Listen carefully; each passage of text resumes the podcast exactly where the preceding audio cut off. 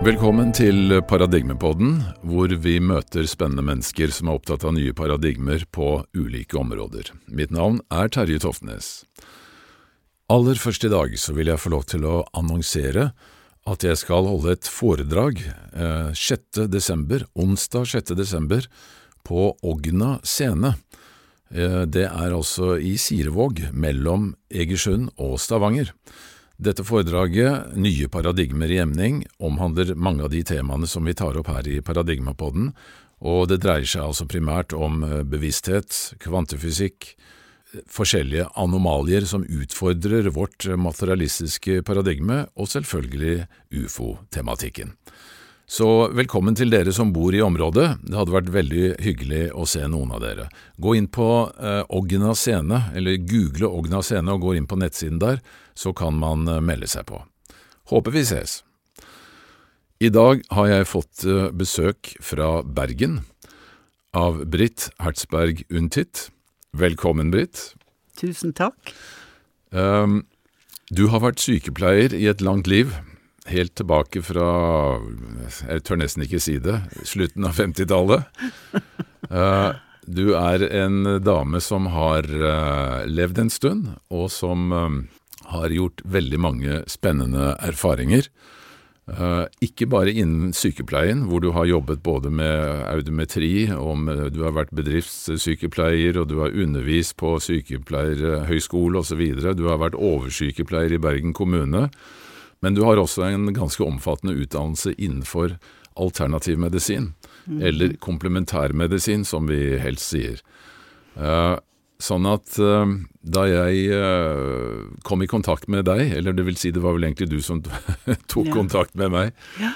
Så skjønte jeg at uh, dette er en dame som, som, jeg absolutt må snakke med. For det er, ikke, det er, jo ikke, bare helse du er opptatt av, du er også opptatt av de store spørsmålene. Mm. Så jeg ser veldig frem til å ha denne praten som vi nå skal sette i gang.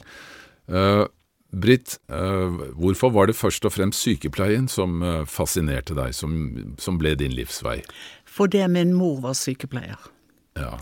Og fulgte henne i mange år, og en fabelaktig dame. Mm. Spesielt under krigen så ble jeg veldig oppmerksom på, på mors talent i forhold til å løse problemer og ta seg av folk som trengte det. I, i de vanskelige krigsårene i Bergen. Ja. Så eh, hun ble et ideal og er fortsatt det i mine tanker. Ja. Eh, så når jeg var ferdig med, med, skolen, så var det spørsmål om hvilken videreutdanning jeg skulle ta. Og da var det veldig naturlig å velge sykepleie. Ja. Gikk inn i, på Høgland sykehus sykepleierhøgskole. Det het ikke høyskole den gangen, det het bare sykepleierskole. Ja. Eh, og det tok tre år. Og så jobbet jeg en del da, både på medisinsk avdeling, men mest i psykiatrien. På okay. det vi kalte Nevengården sykehus den gangen. Ja. Som senere ble kalt Nye psykiatriske sykehus på Haukeland. Akkurat. Men, eh, men, det at du eh, da midt i livet også begynte å, å interessere deg for eh, alternativ medisin, altså ja. er det stuerent for en sykepleier å gjøre det? Nei. Så jeg har møtt masse motstand, selvfølgelig, på det. Sant? For vi ble jo egentlig betraktet som kvakksalvere.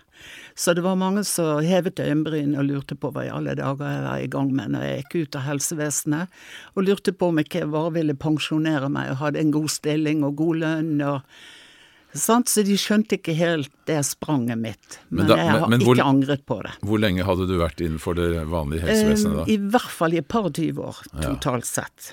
Okay. Og så bestemte jeg meg for eh, å rett og slett starte for meg selv.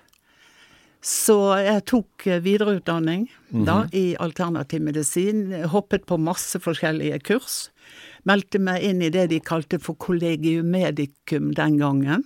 Okay. Og noe som het Norsk forening for helhetsmedisin. Mm -hmm. For ble fryktelig glad over at det var flere som tenkte samme tanken, både når det gjaldt leger, fysioterapeuter og sykepleiere. Mm. Så dannet da sin egen alternative forening. Eh, og der var blant annet eh, dr. Santelmann eh, med i den gruppen, og flere, flere, andre. Jeg tror også Dag var med. Dag Vilgen Polisjinskij. Akkurat. Og så meldte jeg meg inn i Sykepleiernes alternative forening. Oi.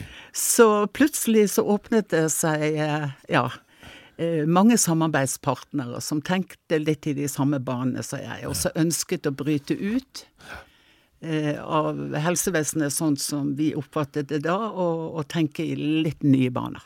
Men hvorfor? Hvorfor bryte ut av helsevesenet? Jo, for det at eh, jeg syns eh, Legene har, har en rolle hvor de def, får lov å definere hva som er helse, og hva som er sykdom. Og hvor fokuset på diagnosen er det som står i sentrum. Mm -hmm. eh, og ut ifra den så er det eh, noe vi kaller legeprotokollen, en oppskrift på hvordan du følger opp en diagnose, hva du gir, og, og i det hele tatt. Alt skal liksom være det vi kaller evidensbasert. Mm. Eh, men altså, det gir, jo, det, det gir jo en viss trygghet at ting er evidensbasert. Selvfølgelig. Og de gjør, jo, de, gjør jo, de gjør, jo, en bra jobb. Selvfølgelig gjør de en bra jobb. Men det var allikevel ting vi ønsket å bringe inn. Alle vi som gikk ut og startet, nye, startet nye foreninger og startet ny utdanning. Det var å tenke enda litt mer forebyggende enn det som var mulig innenfor helsevesenet. Mm -hmm.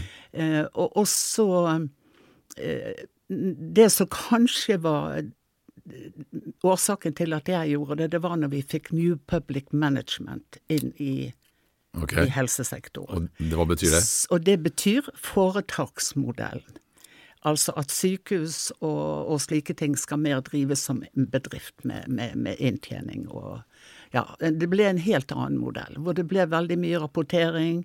Eh, vi må dokumentere hva vi har gjort, hvilke prosedyrer vi har anvendt mm. osv. Alt det som mange, jeg tror helsepersonell føler som en belastning i dag, og, og stresser veldig mye. Og tar veldig mye av tiden bort fra pasientene. Ikke sant, ja. Så det, det, var egentlig en av grunnene til det. Mm. Også at det, det var veldig vanskelig å bli hørt. Jeg ja. syns det var Nå er jeg jo kvinne i tillegg, sånn, så vi har det jo ekstra vanskelig, tror jeg. det er trist, men sånn er det ja, faktisk fremdeles. Dessverre. Må, ja, det er nok litt sånn. Ja. Men det var vel hovedgrunnen til det. At det var en voldsom kamp i kommunen den gangen for å få til den modellen som gjorde sykepleierne til ledere for bedriftshelsetjenesten, ikke lenger legene. For legene var bare ansatt en eller to dager i uken, mens sykepleiere var heltidsansatt. Og de nærmeste til å ivareta kontinuiteten mm, mm. og helhetsforståelsen, og koble miljø og helse til de ansatte. Så legene var innom og testet, og, det vi kalte kjøttkontroll, så de sa litt sånn lite ja. respektløst den gangen. Sant? Ja. Og for å få bli stemplet frisk for ett år om gangen. Akkurat, akkurat. Mens vi egentlig hadde lyst til å bringe litt mer ja. Eh, hjelp til pasientene. For det var ofte ute på venterommet hos bedriftssykepleier vi fikk hele historien. Men i Norsk legen så var respekten så stor at de ble handlingslammet og fikk ikke sagt noen ting om symptomene de egentlig slet med. Ikke sant. Ikke så. Ja. Så, ja. så, det var litt, litt av bakgrunnen. Men, ja. uh, Men legene gjør mye bra. Vi har masse medisiner som hjelper å holde, folk, holder liv i folk. Mm. Så for all del. Og vi trenger begge deler. Men vi utfyller hverandre, og det har vært mm. mitt ønske å få det tydeligere frem. Altså Det er nettopp dette som, uh, som, jeg også har vært veldig opptatt av, og også spesielt fordi jeg selv hadde en ganske heftig uh, opplevelse med både sykehus og, og uh, alternativ behandling i forbindelse med min kreft, som jeg har snakket om tidligere. Men du, hvorfor, hvorfor, tror du det er blitt sånn? Altså, hvor, altså Man skulle jo tro at man kunne bruke liksom det beste fra alle leire når man skal prøve å hjelpe mennesker som er, eh, hvor kroppen har kommet ut av balanse. Hvorfor er det blitt et sånt markant skille mellom eh, skolemedisin og, og, og komplementær eller alternativ medisin? Jeg, jeg, vet rett og slett ikke, men altså, jeg tror det har med en sammenblanding av eh, ekspertise, økonomi mm status, eh, alle disse tingene. At når, de, når, helse blir koblet til de tingene, så fjerner man seg litt mer fra pasienten, og det blir mer, det blir mer andre ting som styrer det. Ja. Eh, men det at politikerne begynte å fatte interesse for dette, og så at eh, folk oppsøkte faktisk alternativ medisin, det var 51 den gangen. Mm og som opplevde hadde enorm tillit til alternativ medisin. Jeg drev jo en klinikk i 20, 21 år på Ja. stund. Og eh, drev kun Jungeltelegrafen, hadde aldri annonser. Kun første, første gangen jeg åpnet, så hadde jeg annonse. Men kun på resultatene. Ja. Eh, og drev den veldig lenge. Og, og på grunn av hadde til slutt ni ansatte, og mange, mange kunder som oppsøkte. Jeg valgte å kalle det kunder, ikke pasienter. Ja, ja. Men jeg ble invitert inn i Årbakk-utvalget, for Ja. politikerne ønsket jo Jagland blant annet, og flere andre. Dagfinn Høybråten også. Og. Dagfinn Høybråten også, men først var det Jagland, for de tok til orde for at når så mange mennesker velger alternativt, så viser de jo en stor tillit til den gruppen, og det må jo være noe med det som er verdt å se nærmere på. Og vi bør, for det at vi, det er ikke bare leger og helsepersonell som i fremtiden skal ta seg av helse, for mye av det som skaper helseproblemer, det er utenfor helsesystemet. Så vi har, må ha mange forskjellige aktører inn på banen for å se nærmere på hva er det i vårt samfunn som skaper sykdom, og hvorfor øker belastningslidelser enormt i samfunnet. Allergier er mangedoblet. sant? Eh, I min sykepleiertid så hadde ikke vi hørt om bukspyttkjertelkreft f.eks. I dag er det hoveddelen av de som ligger kanskje på medisinsk avdeling. Dette er ikke jeg helt sikker på lenger, men det har i hvert fall økt. Eh, Så alle de der tingene var det politikerne da var fryktelig obs på. Og ville ha mange flere aktører med inn i det som skulle definere dette med helse og sykdom, og, og hvilke tiltak velger vi, og hvor setter vi inn støtet. Så da fikk jeg være med i Aarbakk-utvalget. Ja.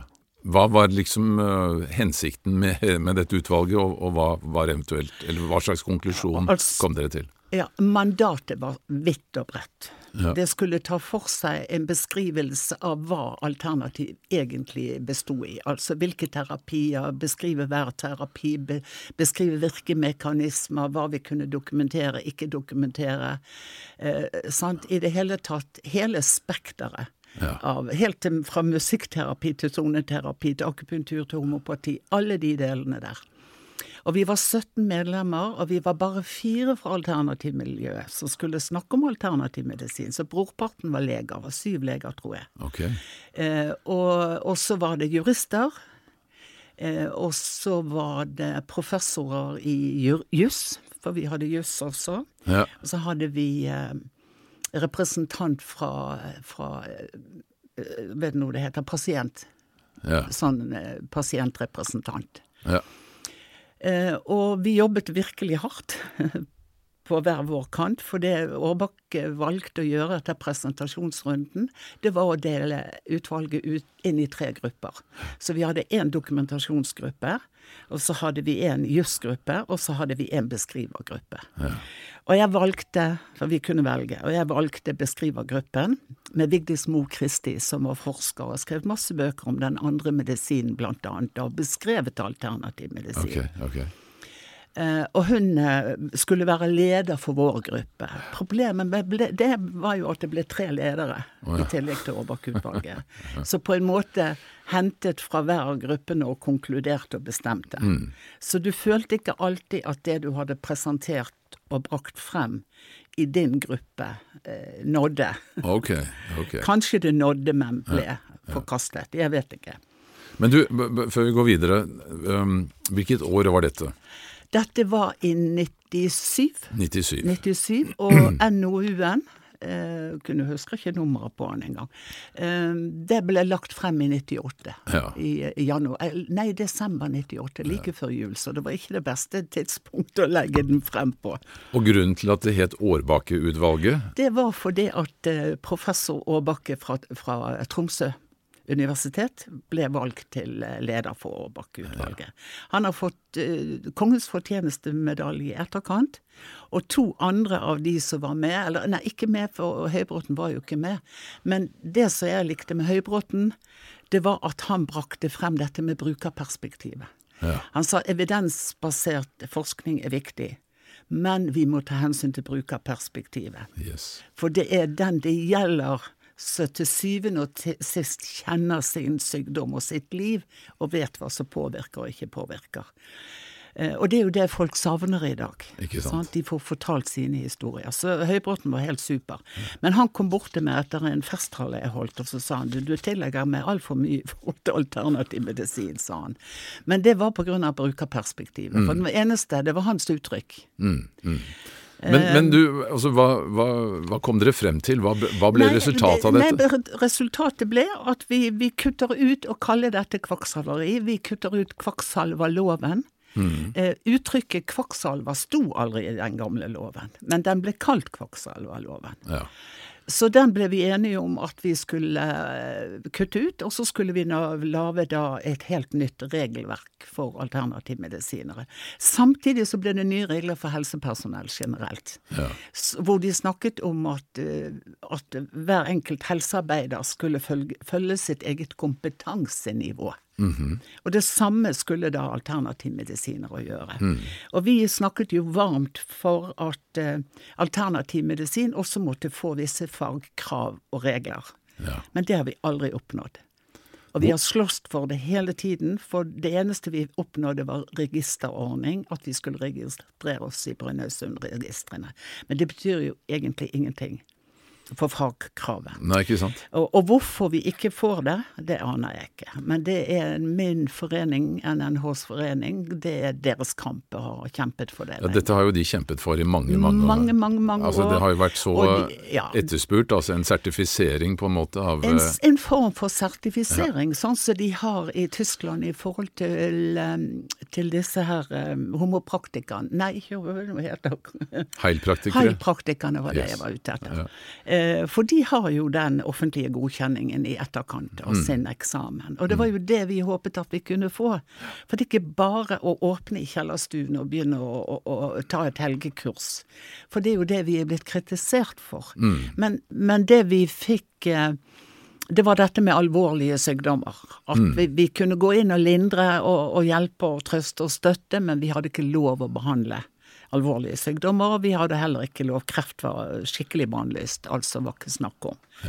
Så, så vi syns egentlig kanskje ikke vi oppnådde så mye. Noen kalte det et makkverk den dagen vi la det frem, og det var det var intervju med alle i Aabak-utvalget, journalister og masse sånn når den skulle presenteres.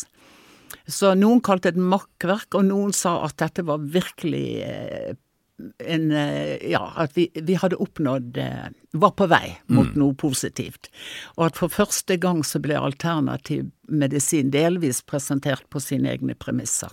Hvor vi fikk beskrive alle terapiene og fortelle hva vi sto for. Men altså, det har jo eh, Jeg har jo også vært inne og lest både den tidligere og, og nåværende loven. Ja. Og når jeg leser lover, så prøver jeg alltid å, å sette meg inn i hodet til de som har laget de. Altså, tenk på, altså, hva er egentlig in, in, eh, altså, intensjonen her? Nå er det jo sånn at alle lover eh, de oppfyller en viss, eh, til en viss grad det som er intensjonen, men så er det alltid masse bieffekter, ikke sant? Masse. Så jeg tenker at kvakksalveloven, eller sånn som den var, den var jo egentlig ment å beskytte mot useriøse behandlere, som da skulle tjene penger på noe som da ikke var eh, noe særlig hold i. Og det er jo veldig forståelig, ikke sant? Veldig forståelig. Veldig forståelig. Eh, og så Den nye loven sier jo da uh, riktignok at du, du kan behandle, som du sier uh, Altså du kan behandle folks allmenntilstand, men du har ikke lov til å behandle alvorlige sykdommer, og da i særdeleshet ikke kreft. Og det er jo da det store ankepunktet, fordi uh, nå vet man jo at veldig mye av skal vi si, vanlig sykehusbehandling er jo eh, symptomrettet. Også sånn med kreft. ikke sant? At altså, Kreftcellen er jo egentlig et symptom Ja. på noe som ligger bak. Mens uh, alternativ eller komplementærmedisin, for å kalle det det, er jo mer er jo også mye mer årsaksrettet. Stemmer. Altså å fjerne årsaken til at du er blitt syk i utgangspunktet. Ja. Så det er jo det som i hvert fall jeg føler er ganske trist. Ja. At den dimensjonen, som kanskje er vel så viktig, Ja. ikke er en del av det behandlingsapparatet som tilbys det norske folk, altså gjennom det offentlige. Og det var akkurat det politikerne egentlig ønsket med mandatet de skrev. De ønsket å bringe oss mye mer med, nettopp i det forebyggende aspektet. sant? Eh, for å hjelpe folk hvordan de kan ta vare på helsen på en bedre måte.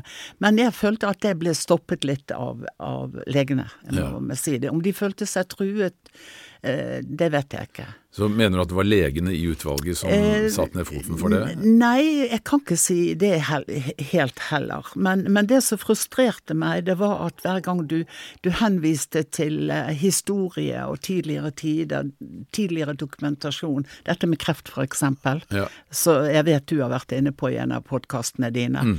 eh, dette med at det er en metabolsk sykdom, at det e- egentlig handler om metokondriene, Ja. at det er de som svikter i cellene våre, og at det egentlig er felles for all type kreft, enten den oppstår hit, her eller der. Ikke sant? Eh, og den forståelsen kommer jo mye mer på banen nå, at nå er de jo begynt å skjønne at det kanskje det er der svaret ligger. Og det er hundre år siden de oppdaget det. Ikke sant. Men det lå ingen fortjeneste i den oppdagelsen. For det var en enklere måte å løse det Mm, problemet på enn eh, cellegift og stråling og alle disse tingene. Mm. Så akkurat sånn som som du sier, det er veldig synd at, eh, at det perspektivet ikke har fått lov. Mm. Og så var det nå-situasjonen. Jeg ble stoppet hver gang. For det at neimen Britt, det er nå-situasjonen vi skal beskrive. Det er sånn som det er nå. Altså, så, så Ja, for det å snakke om han for 100 år siden, eller sånn, ja. Ja, den type dokumentasjon, og de har sagt sånn og sånn, det var nå-situasjonen. Ok. Og det det kom utover, ut, ut av det, det var NAFKAM, som ble etablert da, med leder, en av Årbakke-utvalgets medlemmer, Vinjar Fønnebø, Ja. I Tromsø. Men altså NAFKAM er jo eh, Man skulle jo tro at NAFKAM på en måte kjempet litt for altså det komplementæres eller alternative sak, da. Men Ja. eh, jeg har jo fått en forståelse at de er mer opptatt av egentlig bare å dokumentere hva som skjer, og sortere alle disse forskjellige gruppene, Ja, uten ja. egentlig å, å være noe, skal vi si, spydspiss for Og på ingen måte. Eh, Det har ikke vært til hjelp for oss, tvert imot. Det er masse, masse penger, og 20 år er brukt. Jeg tror jeg ble invitert på 20-årsjubileet eller et eller annet sånt. Men, men jeg hadde jo en skikkelig disputt med Vinjar Funnebø. Han ville jo helst at det skulle skje privat, men, mm. men jeg ville ut i det offentlige. At folk skulle- skulle høre den kommunikasjonen oss to imellom. Så jeg kritiserte han i to, og han svarte meg i den tredje. Jeg tror det ligger ute, alt Mhm. sammen. Men jeg hadde i hvert fall tre tre artikler Ja. hvor, hvor, hvor jeg påpekte det som jeg hadde oppfattet eh, sviktet litt i utvalget, og som jeg følte eh, NAFKAM heller aldri fulgte opp. De fulgte ikke opp politikernes intensjoner, sant? mens det mener eh, Fønnebø at han har gjort. Sant? For de har jo fått pris. Ja. Sant?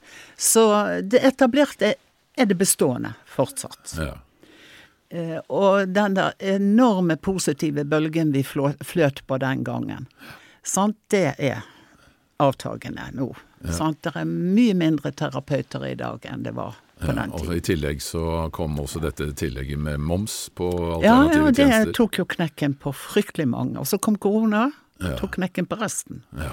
Så der står vi, og det er forferdelig synd, fordi vi kunne ut, um, altså utfylt hverandre.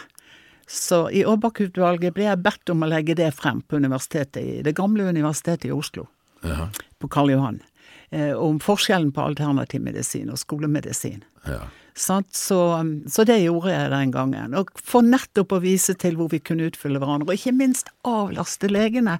Presset på helsevesenet. Alle som står i sykehuskø, kunne vi ha gått inn og hjulpet. Sant? Og tatt unna, og kanskje fått til veldig mye allerede på det stadiet. Ja, altså er, eh, Jeg syns det er forferdelig trist, egentlig. Ja. Eh, Og du ser jo at eh, andre land som er, har et litt mer liberalt syn, Ja. de, de får jo til dette samarbeidet. Altså Kanskje Sveits er et, et av de beste eksemplene, da, hvor, hvor det er, altså, det er faktisk nedfelt i Grunnloven at uh, pasienter kan velge vel, mellom hvilke Ja, be- type behandlinger de vil ha. Om de vil ha skolemedisinsk eller na- Ja, naturmedisinsk ja, ja. eller begge deler. Ikke sant? Stemmer. England, Det er en- India, ja, sant? Sveits, Det er Østerrike. Det er masse, masse land Mm. som uh, Dette er helt, helt normalt og helt, helt vanlig. Ja. Og folk kan velge. Men hvorfor er vi så konservative i Norge, da? Jeg vet ikke. Jeg vet ikke, For vi er fryktelig konservative. Og det Mm. er Nei, dette med, med status eh, betyr fryktelig mye i Norge. Og det som jeg syns er så synd med utviklingen nå, for at sykepleiere og hjelpepleiere skal få bedre lønninger, så er de nødt til å tenke status. Mm. Og så må de kjempe for for å ta fra legene en del oppgaver, for derved å høyne. Så akkurat som lærerne har kritisert. Sånn? Ja. At det, det, eneste som gjør at lærerne kan få høyere lønn, det er at de øker statusen sin. Ja. Så det er blitt dette statusjaget. Så da er vi helt på, på ville veier igjen. Mm. Istedenfor å anerkjenne de akkurat der de står, med det de tilbyr der, og den erfaringen de har. Mm. sant? Og supplere det. Så skal alle på en måte opp på samme statusnivå. Ja. Eh, for å bli godkjent og, og, og sånt. Og det er, det er, jo helt feil måte. Altså det at vi på en måte har innført en, eh, en eh, bedriftsmodell. Ja. en økonomisk bedriftsmodell også ja, helt, i, i, helsevesenet. Helt forkastelig. Det, det, mener du det har vært et ja, skritt det, i feil retning? Det er virkelig et skritt i feil retning. Og det stresser jo helsepersonell noe voldsomt. For du skal jo dokumentere alt du gjør. Mm. Er jo skjema for alt. Oppskrifter for alt. Sant? Så, så, da må du, og det er jo en amerikansk modell, egentlig. Mm. For der har du masse advokater som står ja. på utsiden og, og, håper på katastrofer som har skjedd, og ja. tjener masse penger. Jeg vet ikke, det var jo litt flåsete sagt. Men jeg tror vi har hentet litt fra der. At man er, så redd for å gjøre feil. Ja. At hvis noen skal sjekke de kortene, så må de kunne dokumentere alt de har gjort. Det er der denne med evidensbasert kommer inn. sant? Jeg, bare tenker på Hvis jeg var uh, leder for et sykehus ja. og visste at, uh, hvis, at uh, gjør vi en feil, så kan vi risikere å få et pasienterstatningskrav på flere millioner, som da spiser av sårt trengte penger som vi skal bruke til andre ting på dette -hmm. sykehuset. Så derfor så er det bedre å følge boka og gjøre alt uh, etter eh, skjema, ja. uh, enn å bruke og, og, og vurdere å ta inn andre terapier som kanskje kunne virke, men fordi det ikke er dokumentert, så tør vi ikke, for vi kan ikke risikere sånne ting. Så det gjør jo at regimet er jo blitt veldig stramt, da. Ja, det er blitt veldig, veldig stramt. Av frykten for å gjøre feil. Helt riktig. Eh, vel, riktig. på én side så er det klart at det forståelig. man skal ikke gjøre feil. Nei, det er forståelig. Men samtidig så ja, den situasjonen er jo ikke blitt til pasientens beste, for å si det sånn. Nei, nettopp. Og, og, de har klart det kunststykket ved å bringe frem dette med evidensbasert, forskningsbasert, vi må være trygge, folk må være sikre. Så formidler du egentlig at skolemedisin, alt de står for, er dokumentert. Det er vitenskap. Mm. Og det som kjennetegner det, eh, hvor, hvor, hvor, sprøtt det egentlig blir, det er akkurat det jeg opplevde i Årbakke-utvalget.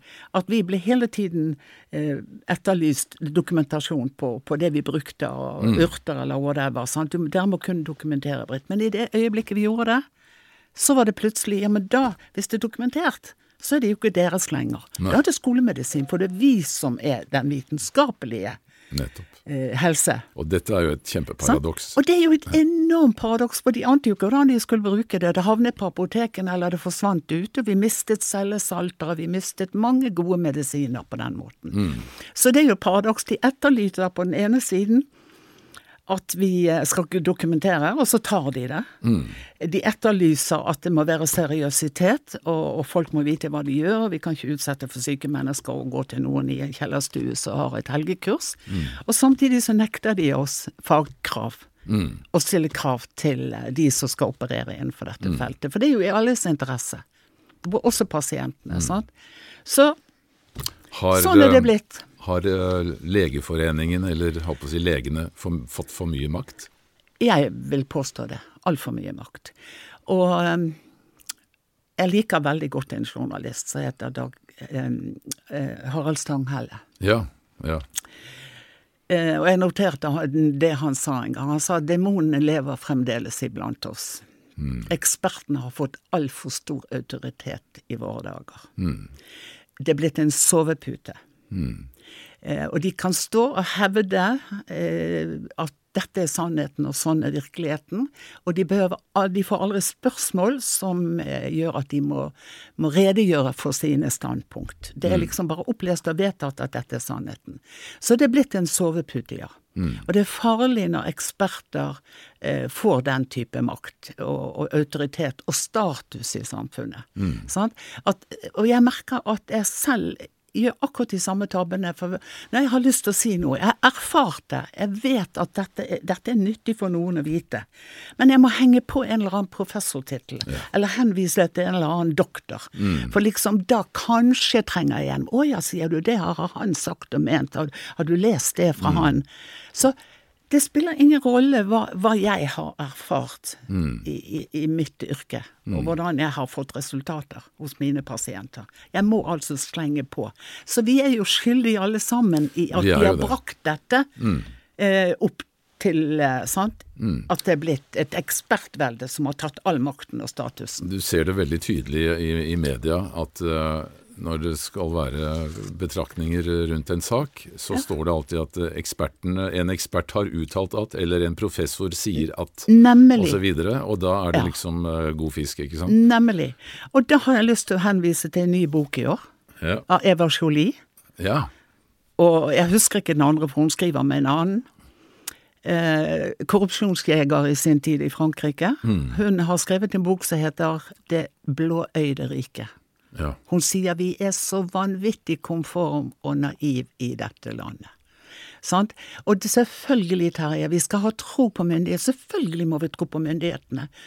For det at ingen av oss kan sette oss inn i alt det kompliserte som vår verden og virkeligheten representerer for oss. Det er mm. umulig. Mm. Mm. Så dette å ha eksperter, og ha noen som kan gå i dybden på ting og fortelle oss ting Men når dette er blitt altså mer et maktuttrykk, ja og et statusjag. Hvem er best å, å representere sannheten? Og på toppen av det hele så har de fått definisjonsmakten òg. Ja. Så de kan når som helst senke eller høyne Mm. standarden. Mm. Og si at nei, nå, nå sant, kolesterol, det, nei, nå må du ha det. Sant? Så det som det lå på før, nå er det mye lavere. Mm. Så nå er du garantert å få medisiner for det, f.eks. Bare som et eksempel. Så jeg syns dette er tragisk. Så folks erfaring Det var derfor jeg skrev en artikkel. 'Kjærlighet, livets kilde', mm. hvor erfaringen og bevisstgjøringen av den enkelte og det den enkelte erfarer i sin hverdag, det er det som teller. Det er det som er viktig. Ja, jeg er hjertens enig. Ja. Uh, men jeg tenker på Uh, du har sikkert hørt om Peter Gutschke og dette Cochrane, uh, eller ja. Cochrane, jeg vet ikke hvordan du uttaler instituttet i København, mm. uh, som han var med å starte, og som da viste at veldig mye av, av, det som er såkalt god forskning, faktisk ikke er så god forskning. Og at Altså, vi har, vi har fått Altså, på mange måter har forskningen overtatt for religionene. Altså, ja. Det er blitt akkurat like dogmatisk. Det er en tro det er et trossystem. Ikke sant. Det er ikke sannheten. For det at jeg hørte en forsker som selv sa å tro på vitenskapen det er noe av det mest uvitenskapelige du kan gjøre. For vitenskap, den er dynamisk. Der skal du hele tiden kunne stille spørsmål. Vi hadde et glimrende innlegg nå av Julia i Hemali. Julia Benito. Ja, ja Skreina Benito, tror jeg hun stemmer, heter. Stemmer. Hvor hun tok opp akkurat det der. Hmm. Sånn, så men jeg har lyst til å si noe om dette med vitenskapen igjen. Ja.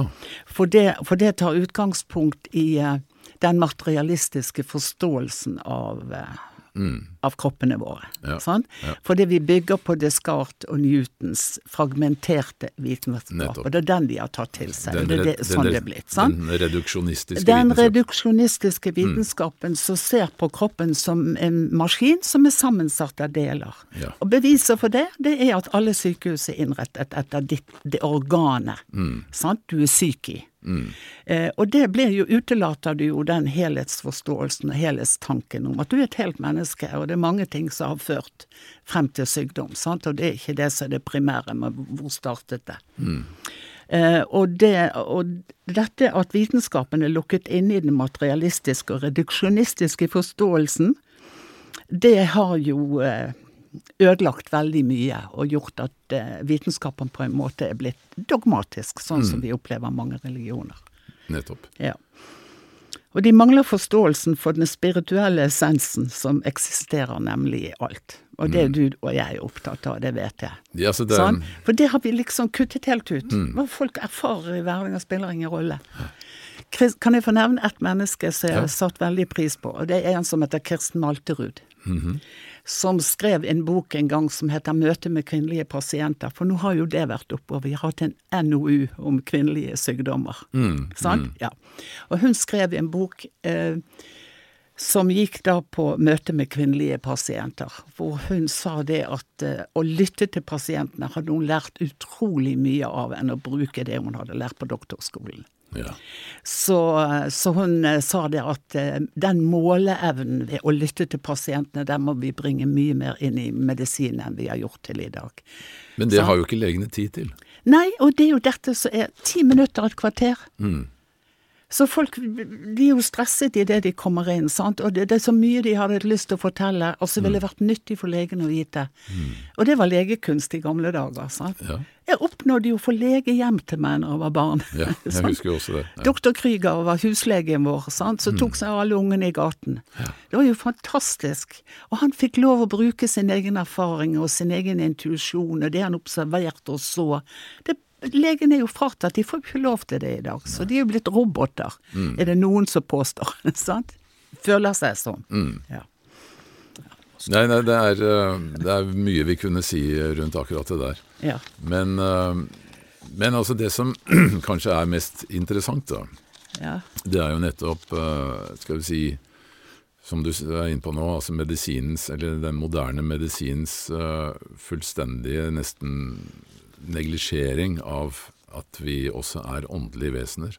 Eh, vi har jo denne såkalte placeboeffekten, eller også nocebo-effekten, som eh, nesten eh, ses på med litt sånn irriterende øyne fra de som forsker på medisiner, fordi at fordi det er en kraft i mennesket som da er ganske sentral når det gjelder å, å, å helbrede kroppen.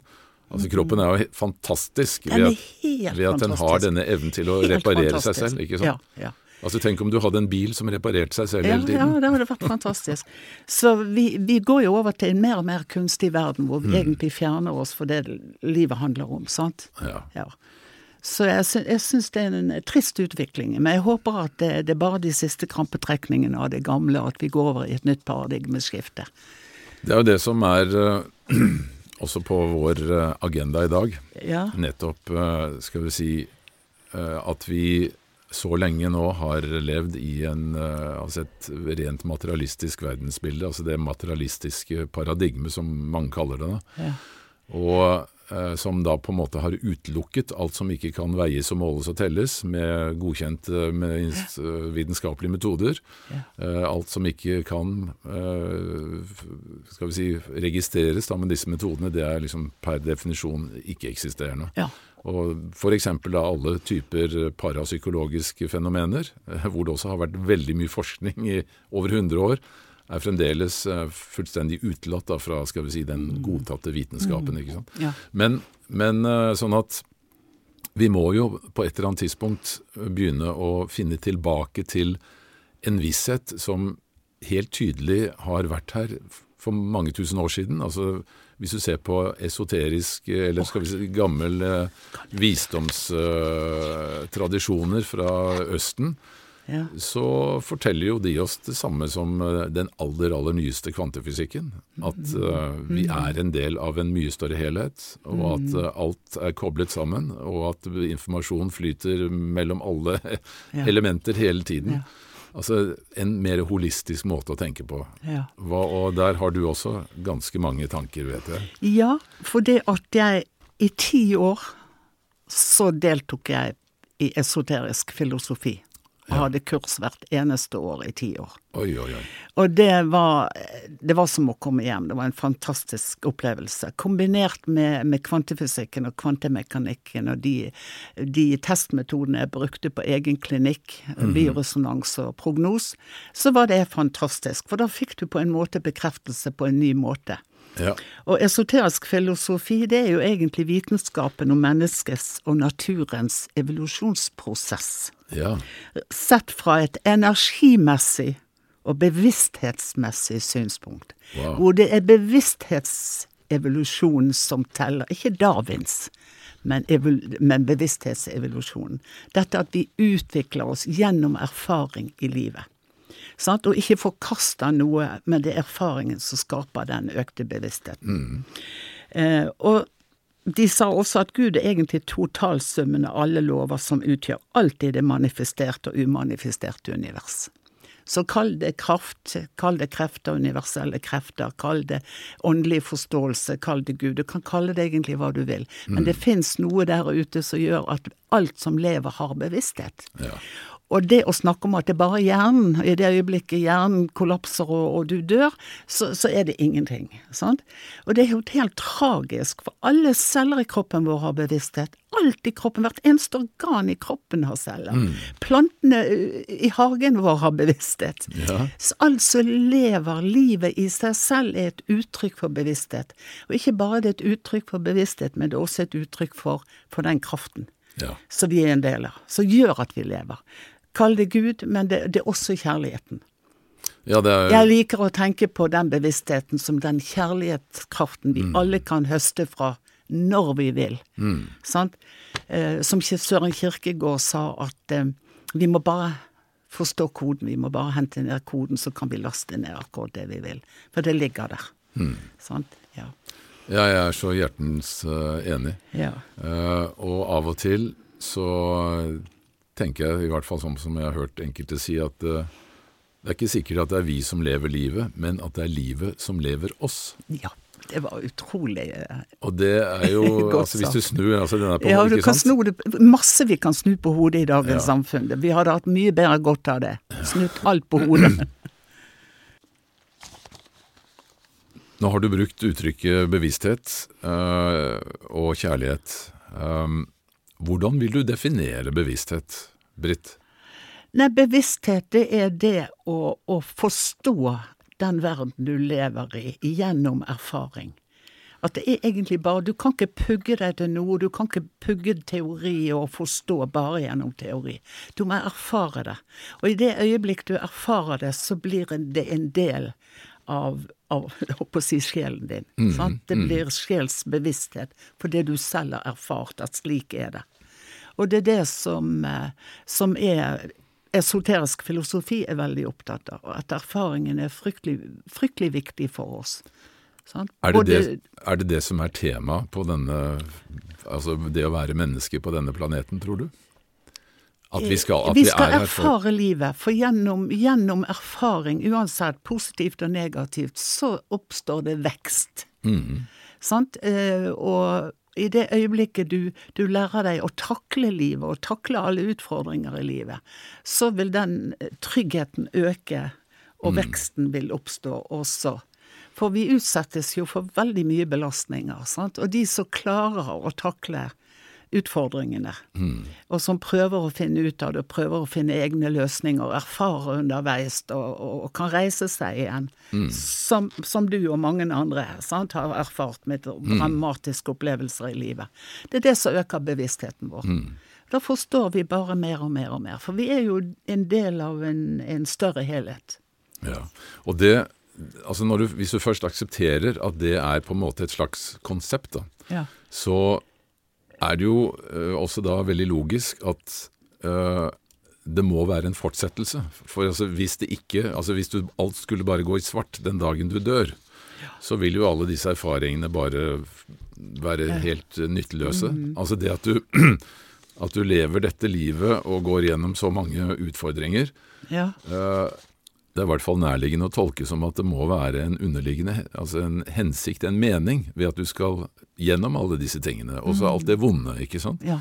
ja. For, eh, for, og hvis da lyset bare slukkes når du er eh, kommet til sjelsår og alder, og alt bare forsvinner, så virker det jo helt meningsløst. Ja, Altså- det, men energi er jo evig, Terje. Ja, Energi forsvinner aldri, det går bare over i en ny form, nettopp. i en ny, ny dimensjon. Ja.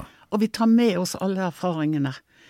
Eh, og det er jo eh, Men det, det, du sier, altså denne, tilbake til denne kraften da, som du Ja. snakket om i stad. Altså denne, hva er det egentlig som driver oss? Hva er, det, hva er denne gnisten da, som er i alt levende? Altså, vi har noe som vi kaller ATP, adenosin trifosfat, som også er kalt livets molekyl. Det er den gnisten som må til i cellene våre, som har med mitokondriene å gjøre. Det som produseres i Det som produseres i cellene Som våre. er en Det er energivalutaen som man snakker om? Ja, akkurat. Godt sagt. For det er, det er forferdelig viktig. Og det mm. tilbake til det med kreft også, sant? når mitokondriene Ja. Eh, svikter. Ja. Så det er en enorm kraft som vi, vi har alle sammen, som alle besitter, som fins i alt levende. Mm. For det er en eh, ATP er en energileverandør i alle celler og vev. Ja. Vi er totalt avhengige av det. Derfor kaller de det livets molekyl. Men hvor kommer den fra? Hvor kommer den energien fra? Jeg kaller det gudegnisten. Ja. Jeg kaller det gudegnisten. For det er der, det er der vi finner den åndelige kraften. Som av Einstein ble kalt kjærlighetskraften, som ikke er en formell kraft i universet som han formelt har kunnet bekrefte, men hvor han snakket om det. Og hvor også Platon skil- skilte mellom, mellom eh, sjel og, og det du opplever og erfarer. Sant? Eh, På akkurat samme måten at det er Kjærligheten, det er noe annet, og noe mye, mye, mye større. Som faktisk Altså vi alle har jo kjent på den eh, altså følelsen av kjærlighet. Ja, Altså ja, eh, i, i beste fall når du er forelsket, altså så er du helt bruset av eh, kjærlighet. Eller når du sitter med et nyfødt barn i, i hendene dine. ja. Ikke sant? Eller Vi ser en solnedgang. Ja. Men når skal vi begynne å anne... Altså når skal vitenskapen da begynne å anerkjenne at dette er altså livet i sin mest grunnleggende substans? Altså det må inn i ligningene på en eller annen måte, ikke sant? Altså, esoterisk filosofi betyr jo rett og slett kjærlighet til visdom. Ja. At erfaringer skaper visdom. Altså din visdom og din bevissthet øker med erfaringene dine. Og det, den forståelsen har faktisk fulgt menneskene til alle tider. Det er noe som Når kriser oppstår, så utløses den kraften i menneskeheten. Det ser du ofte under krig og katastrofer. Så kommer kjærligheten. Så får vi lyst til å hjelpe hverandre, stå sammen. Sant? Vi ønsker å endre, vi ønsker å forandre. Eh, og, det, og dette har faktisk fulgt oss til alle tider. Men jeg føler at, at den forståelsen, den visdommen og den, den eldgamle eh, visdommen om disse tingene, det er fratatt oss. For det ble på en måte kuppet litt av eh, religionene og vitenskapen kom inn og, og skulle systematisere dette og lage masse regler rundt dette, og, og dette var sånn du skulle forstå det, og, og, og de reglene skulle du følge. Eh, Så, så det den enkelte erfarer og opplever i sitt indre, mm. det er på en måte tatt litt fra oss. ja. Sant? Og det er en bok i Danmark som kom ut for et par år siden som heter 'Sannheten om det hele', hvor de sier at det er en tragedie at mystikken, alt det mystiske, det som eh, jeg har- Hvem er det som har skrevet den? Du, nei, det var det jeg tenkte jeg skulle finne til deg her, for det Jo, der har vi det. Eh, de skrev en bok. Det var en som het Christian Lett. Den ene var forsker, jeg husker ikke hva den andre var. Christian?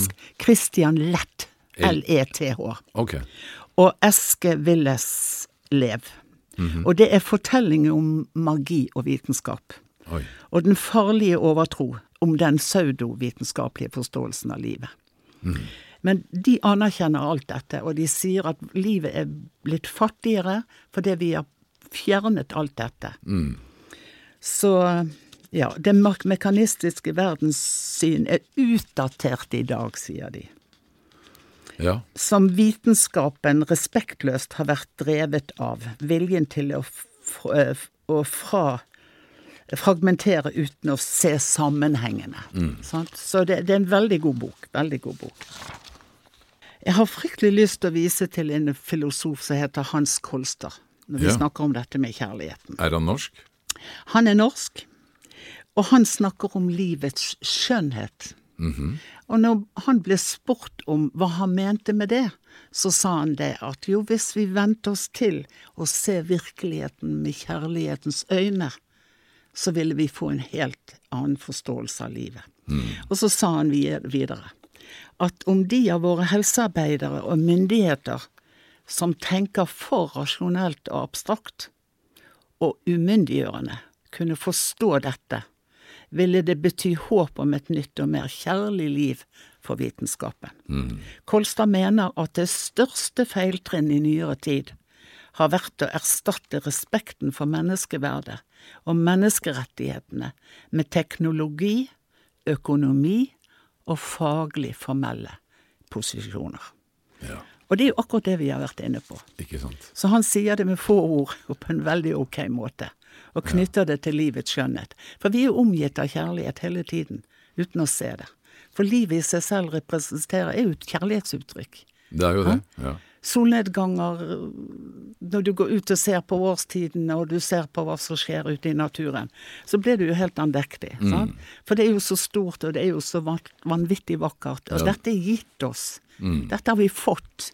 Og Istedenfor så holder vi på å ta knekken på hele jordkloden, sant? Med, med, med den forståelsen vi har valgt å følge. At, eh, Så det jo at altså, alt er materielt, og sant. alt kan vi tjene penger på. Sant? um, Kjærlighet står sentralt, sier du. Ja. Og, men, vi, men vi opplever også fraværet av kjærlighet. ja. Uh, altså denne dualismen, altså denne polariseringen, og mellom skal vi si kjærlighet på den ene siden og fravær av kjærlighet, eller kall det kanskje frykt. Altså mellom kjærlighet på den ene siden og frykten på den andre siden, så lever vi på en måte i et, i et spenningsfelt. Fordi at alle polariteter, det skaper et, et spenningsfelt, ikke sant? Og i dette spenningsfeltet så er det da altså de kraft, kreftene, da, denne energien som genereres i et sånt spenningsfelt, er egentlig den boltreplassen som vi er i, som gjør at uh, vi uh, opplever sterke følelser, sterke emosjoner, som igjen da er skal vi si, en slags kompass da, for hvilken, hvordan vi skal uh, bevege oss i dette rare, mystiske, merkelige livet. Så det er jo en dynamikk i dette som gjør at det blir et utrolig Altså at du kan si denne Det å være menneske på jorda er jo å være som et slags enormt opplevelsessenter. Eller en, en opplevelsespark, opplevelsespark hvor eh, alle muligheter er til stede. Og, det er, eh, og du har en fri vilje til å kunne styre det egentlig eh, de retningene du ønsker. Selvfølgelig influert av alle de andres frie viljer. Men dette, altså i dette kaoset da, av frie viljer som skal prøve å manøvrere sammen, øh, med disse sterke følelsene vi har, så, så opplever vi livet. Og, så, uh, og jo mer frie vi er, jo, jo rikere blir det. Ja. Eh, Og da er jo motsetningene forferdelig viktig. Ja. For du har pluss og minus. Tenker på elektrisitet når vi snakker Ja, om energi. Ja. Så har vi pluss og minus. Og det Ja. må til Det må for at det skal bli kraft. Og sånn er det med motsetningene mellom menneskene også. Vi har plussider og minussider, og begge de to til sammen danner en dynamikk. Mm. Og det er derfor diskusjoner, og det at alle får slippe til, Mm. sånn som nå motstemmer til, til det bestående. Sant? Det er viktig for at eh, vi skal kunne utvikle Og det det, og som gir, forstå ting. Det, det er det som skaper den kraften og dynamikken. det er det som gir sånn? fremdrift. Menn og kvinner. Skolemedisin, alternativmedisin. Natt og dag, varmt og kaldt. Ja. Og alle årstidene. Du kan bringe inn alt. Alt er motsetninger i naturen. Absolutt alt er motsetninger. Og også i tradisjonell kinesisk medisin så bygger de på dette med motsetninger, femelementsloven, som de kaller det for. Sant? At hvert, hvert element har et pluss og en minus i Sant? Du har styrke og du har svakhet. Og det å finne denne balansen, og det er det denne bevissthetsutviklingen handler om. At vi, vi er avhengige av disse polaritetene og motsetningene. Det er ikke noe negativt. Vi har gjort det til noe negativt i dag, men det er ikke noe negativt. Mm. Men allikevel så betyr For da kommer alle til orde. Ikke sant? Skjønner du? Ja. Og i og med at dette er altså en bevissthetsutvikling, så betyr det også det at vi kan bringe hele dette scenarioet opp på et eh, stadig eh, høyere eller utvidet nivå. Altså Det betyr at vi behøver ikke drive og krige og slå hverandre i hjel, altså inn i evigheten. Vi kan bringe hele skal vi si, dette spillet, da, dette teateret som vi er egentlig med på, opp på andre nivåer, hvor det kan utspille uh, seg andre typer dramaer, mm. som er uh, helt nye måter å, å, utforske virkeligheten på, men som kanskje ikke behøver å ha med seg all den mm. råskapen og brutaliteten Nei, som vi har holdt på med altfor lenge. Altfor lenge. Og det var som de der to forfatterne i Danmark som jeg viste til. sant? Eh, som sa noe om det at det er sannheten forklart på en annen måte. Mm. At alle mennesker sitter inn med forskjellige sannheter om sin virkelighet. Og noen må ikke komme inn og dominere det og ta liksom både definisjonsretten og makten over det. Mm. For da mister vi den åndelige samtalen. Ja. Vi mister akkurat dette, å dele med hverandre alt vi opplever, som du har vært vanvittig flink til i alle de eh, poddene paradigme, i Paradigmepodden. Alle de podkastene du har hatt om forskjellige sider av livet. Vi er nødt til å respektere det og trekke det inn som en del av en større sammenheng. Mm. Og dynamikken er veldig viktig for at ting skal gå fremover. Men i dag så ble motstemmene sensurert og holdt borte. Mm. Det er noen som eh, alltid slipper til å få lov å dominere. Det er noen som har fått litt for mye makt. Ja, og, mm. det, og det, er da det blir feil. Det er da ja. hatet kommer, og frustrasjonen kommer, og frykten kommer. Sant? For folk føler liksom de er satt totalt på sidelinjen. De har. Enten må de bare tro og, og gå med strømmen. Mm eh, å akseptere A4, og gå mm. inn i denne båsen A4. Går du litt utenfor den, så, så blir du ja. Mm. Men uh, Uansett så kan vi vel uh, konkludere med at livet er magisk. Fantastisk, Terje. Livet er altså så utrolig fantastisk. Jeg vil ikke unnvære en eneste dag, og jeg har bestemt meg for å skal leve til 120. Og heldigvis så vet jeg så mye om hvordan det er mulig. ja, du er, jo, du er jo, på vei. yes. Jeg er 84 i dag. Så det at hvis jeg har stumpet litt i ordene underveis, så skylder jeg bare på alderen. Hvis hukommelsen har sviktet underveis, så kan jeg skylde på alderen. Så det er en fordel med å bli eldre. Supert. Ja. Slipp mennesket fri, har du sagt. Slipp mennesket fri. Slipp mennesket fri. Tusen takk, Britt. Bare hyggelig. Takk for at jeg fikk komme, og takk for at jeg ble spurt. Takk skal du ha, Terje. Ja, stor takk til Britt Hertzberg Untvedt, som altså fylte 84 år idet vi hadde denne samtalen. Noe som jeg nesten syntes var vanskelig å begripe, med den vitaliteten og det engasjementet hun har. Så jeg tror absolutt hun kommer til å leve til hun er 120 år, som hun sier. Jeg må også nevne at hun har skrevet to bøker, eh, den ene sammen med Wilhelm Schjelderup, som heter Helsekampen – 100 års strid om alternativ medisin, og den andre som hun har eh, skrevet sammen med eh, Bjørn Johan Øverby og Wilhelm Schjelderup, Ja takk, begge deler, helse i en ny tid. Så en stor forkjemper for å få denne siden av det medisinske bildet mye mer frem i lyset, det er hun, og har vært kanskje lenger enn de aller fleste av oss, så jeg syns også det var spennende å høre litt av denne historikken bak hvordan skal vi si, dette forholdet mellom alternativmedisin og skolemedisin har utviklet seg da spesielt i Norge, som selvfølgelig er et ganske brennhett tema også i disse dager. Og vi håper at disse tingene kan komme over i et mer fornuftig spor, for å si det sånn, fordi at, som hun sier i denne boken, ja takk, begge deler, faktisk vil gi oss et mye bedre og sikkert også et mye rimeligere helsesystem i dette landet. Så til slutt, for at vi skal kunne fortsette denne reklamefrie podkastkanalen, så minner jeg da om vårt vips nummer som er 524 005 524 005, for dere som vil være med og støtte oss videre, og tusen takk til alle dere som har gjort det. Da sier jeg bare velkommen igjen neste uke til neste episode av Paradigmepodden.